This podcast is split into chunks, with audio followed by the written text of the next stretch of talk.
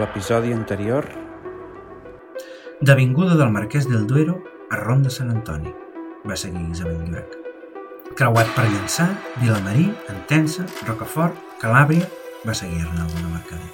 Viladomat, Comte Borrell, Comte d'Urgell, Villarroel, Casanova i Montaner, va finalitzar Consuelo Jové. El joc de viure, de Magí, Balcells i Balcells.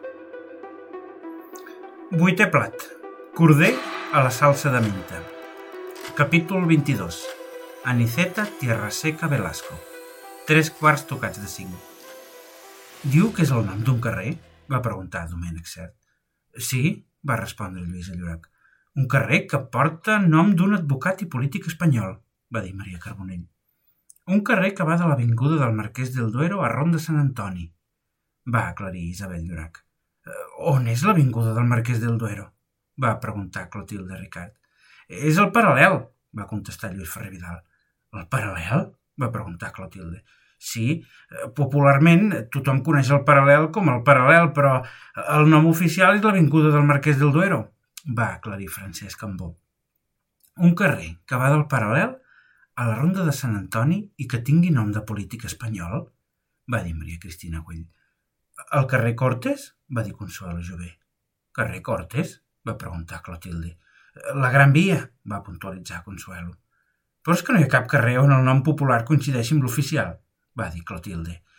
La Gran Via no pot ser, va dir Lluís Ferrer Vidal. Travessa tota Barcelona, no neix el paral·lel i mor a Sant Antoni. I, I Cortes no és el nom d'un polític, va dir Antoni Maria Jové. Ha de ser algun dels carrers que estan per sota de la Gran Via i entre Sant Antoni i el paral·lel, va dir el comte de Godó. Sepúlveda, Florida Blanca, Tamarit, Manso, Marquès del Campo Sagrado, va recitar Matías Montades. Tamarit? va dir Consuelo. Francesc de Tamarit va ser un diputat de la Generalitat durant la Guerra dels Segadors. No és polític espanyol nascut a Salamanca al segle XIX, així que no pot ser, va dir Lluís Ferrer Vidal. A més a més, el carrer de Tamarit no creu amb Villarroel ni Casanova, va dir el comte de Godó. Disculpin, senyors, va dir Avelino, entrant a la sala i deixant una safata amb un munt de taps de suro sobre la taula. Per la seva seguretat els hem de dir que cap dels taps del vi que servirem estaven punxats o manipulats. Aquí els deixem per la seva seguretat. Gràcies, Avelino, va dir Lluís Llorac. Podran degustar a continuació un ladosset polifumer del 1908, seguia Avelino. Es tracta d'un vi elaborat amb Savignon blanc a l'extrem oriental de la vall del Loira, L'argila i la pedra calcària present en aquest territori influeixen de forma determinant en les característiques d'aquest vi daurat, net i brillant. En boca és cremós, fresc, amb bona acidesa, tocs de llevats, una mica de fruita tropical, tocs cítrics i una mica de flors blanques amb suaus notes làctiques. Que vagi de gust. Excel·lent, va dir Lluís Ferrer Vidal, degustant el vi. Seguim amb els carrers? va dir el marquès de Montsolís. Si no és tamarit, podria ser Florida Blanca, doncs. Podria ser, va dir Francesc Cambó. El comte de Florida Blanca va ser un polític espanyol, secretari d'estat de Carles III i de Carles IV. Va actuar contra els responsables del motí d'Esquilatge i va ser un dels instigadors de l'expulsió dels jesuïtes d'Espanya. Però no em sona que hagués nascut a Salamanca ni que hi hagi un poble de Segovia que es digui Florida Blanca. A més a més, el carrer de Florida Blanca no creu en Montaner, va puntualitzar el comte de Godó. Doncs llavors només pot ser Sepúlveda, va dir el comte de Güell. Francisco Sepúlveda Ramos, va dir Milans del Bosc. Eh, va ser governador civil de Barcelona. Sí, ha de ser ell, va dir el comte de Güell. Eh, va treballar pel meu avi, el marquès de Comilles. Va ser assessor del Banco Hispano Colonial, de la Companyia General de Tabacos de Filipines i president de la Companyia dels Camins de Ferro del nord d'Espanya. Sepúlveda va del paral·lel a Ronda Sant Antoni, va dir Isabel Llorac. Correcte, va dir el comte de Godó. Maria Cristina, quins són els carrers que el creuen? Ho tens apuntat, no? Sí, va respondre Maria Cristina. Llançà, Vilamarí, Entença, Rocafort, Calàbria, Viladomat, Comte Borrell, Comte d'Urgell, Villarroel, Casanova i Montaner. És el carrer Sepúlveda, va dir el comte de Godó. No hi ha cap dubte. Sí, a la província de Segovia hi ha un poble que es diu Sepúlveda, va dir Francesc Cambó. Tot quadra. Maria Cristina va agafar la grella de les pistes i va apuntar Sepúlveda a la casella número 5. Després va dir Tenim sis pistes. La segona, que és 26 segons segona, la tercera, 325, la quarta, pistola, la cinquena, Sepúlveda, la sisena, Severiano Martínez Anido i la setena, advocat. Ens en falten dos, la 1 i la 8. Disculpin, senyors, va dir Avelino, mentre el servei repartia el vuitè plat. Servirem a continuació un corder a la salsa de menta.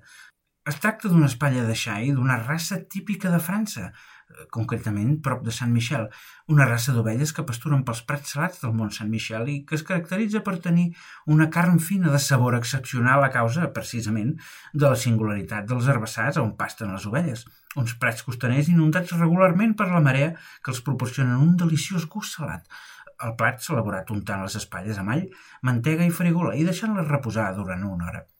Després, en una plata de forn s'hi ha posat ceba tallada a tires fines amb les espatlles empabrades i s'han enrossit al forn a poc a poc, girant-les de tant en tant i afegint aigua, un cop daurada la ceba, fins a aconseguir que les espatlles estiguessin cuites per dins i cruixents per fora.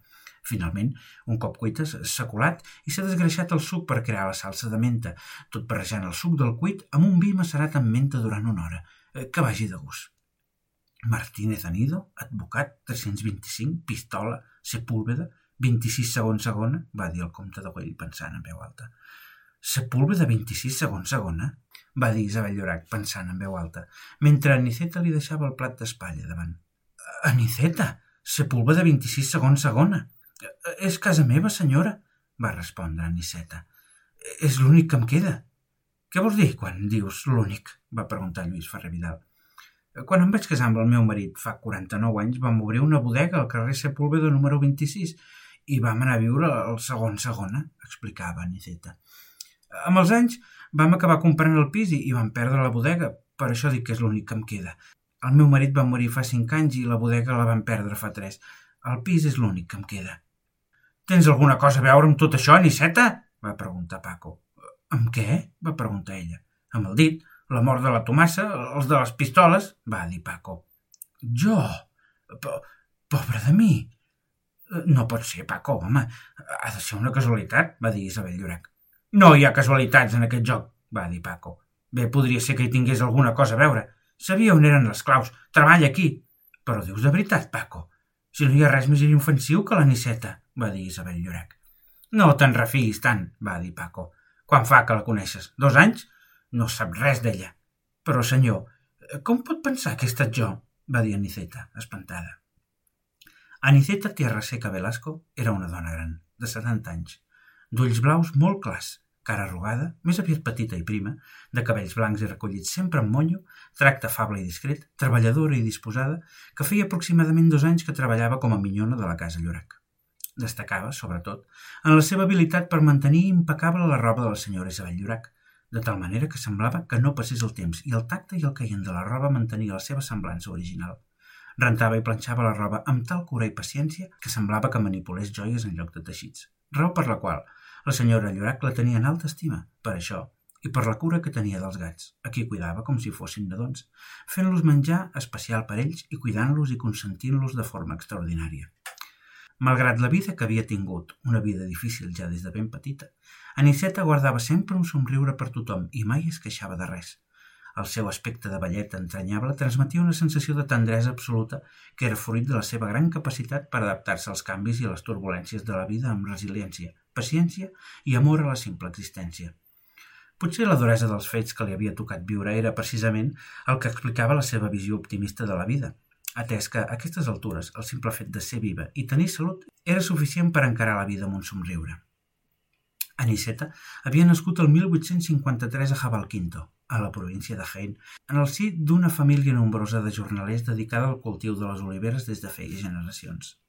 Els seus pares, José Tierraseca Rodríguez i Maria Velasco Garrido, havien treballat tota la vida des de que tenien 9 anys en els camps d'oliveres dels marquesos de Jabalquinto, i malgrat que s'havien matat a treballar, mai havien sortit de la misèria, atès que, com molts altres companys jornalers, la feina al camp Andalusia comportava l'explotació dels jornalers i el manteniment dels privilegis dels grans terratinents, els senyoritos, un fet que feia segles que s'arrossegava.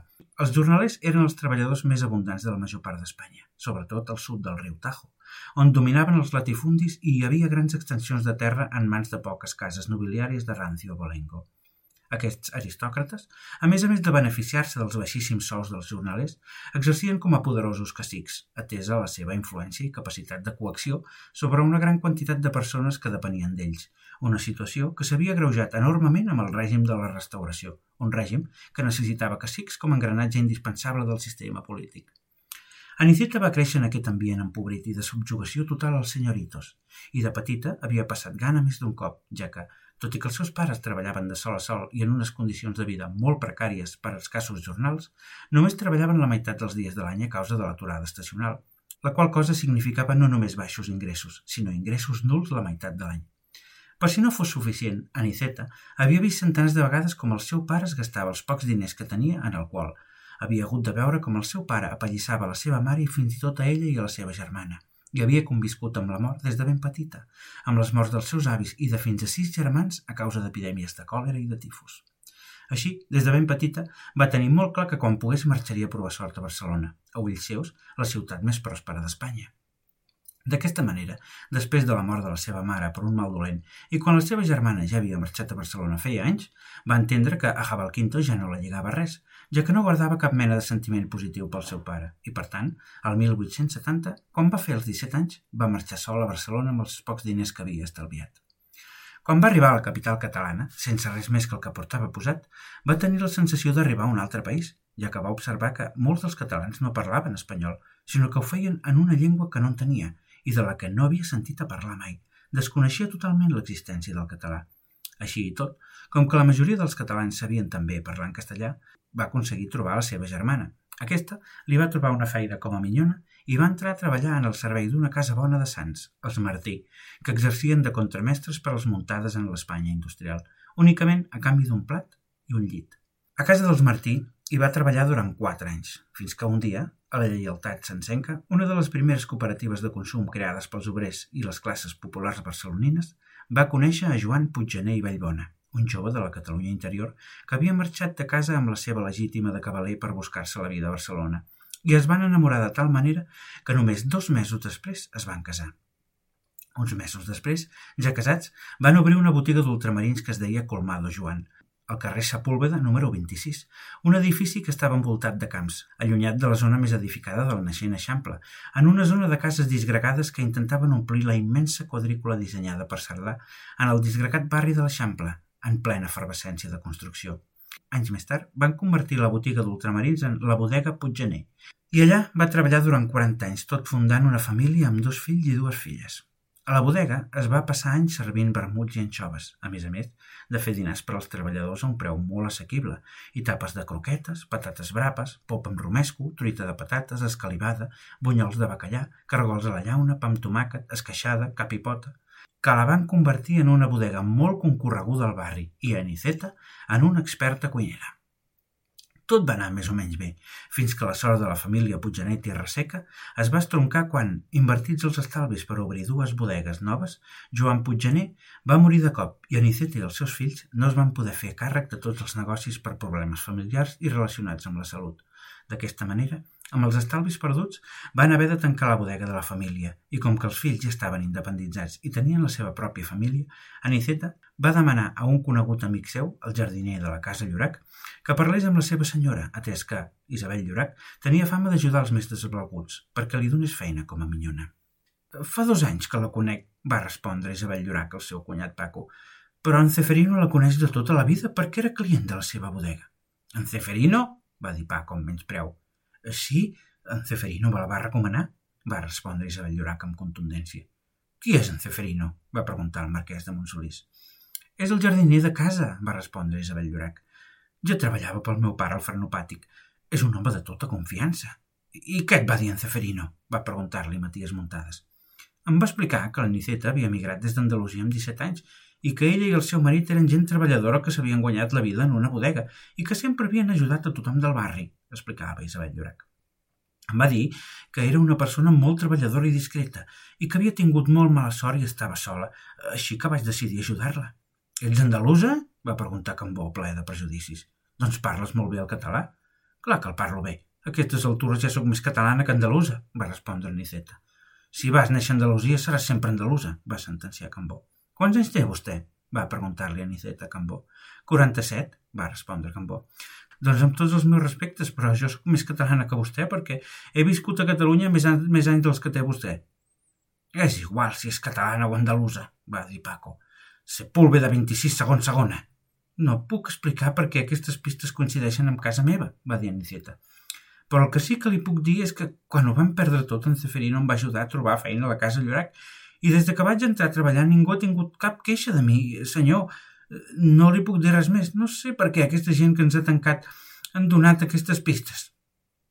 Ella no pot haver estat, va dir Isabel Llorac en referència a la minyona. Quan van marxar a Barcelona a finals de juliol, ella va venir amb nosaltres. A més a més, mira-la.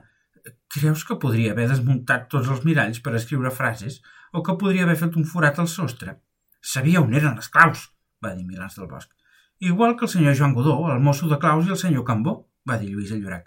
Sepulve de 26 segons segona, va dir Paco. Més clar, aigua. I les altres proves? va dir Lluís Ferrer Vidal. Advocat, pistola, 325, Martínez Anido... Eh, no ho sé, de moment l'únic que quadra és Sepúlveda 26 segons segona, va dir Milans del Bosc. Eh, no en traurem res de tot això, va sentenciar Matías Muntades. Quina manera d'acabar les vacances. Hauríem d'haver marxat ahir cap a Barcelona. Encara fa massa calor a Barcelona, va dir Cambó. Estic cansat del camp, va dir Matías Muntades. Però si deu fer quatre dies que ets al camp, va exclamar Bertran i Mosito. Des de primers de juny, va dir Matías Muntades. Has estat tot l'estiu de vacances? va preguntar-li Milans del Bosc. Sí, va respondre Matías. Has passat tot l'estiu a Sant Magí? va preguntar Paco. Eh, sí, senyor. Des de l'últim dia que vam anar a caçar que he estat a Sant Magí, va dir Matías. Com vau anar a caçar? va preguntar Isabel Llorac. Eh, poc abans de Sant Joan, no, Paco? va dir-li en Matías. O sigui que tu també sabies on eren les claus? va preguntar el marquès de Montsolís a Matías, desconcertant a tothom.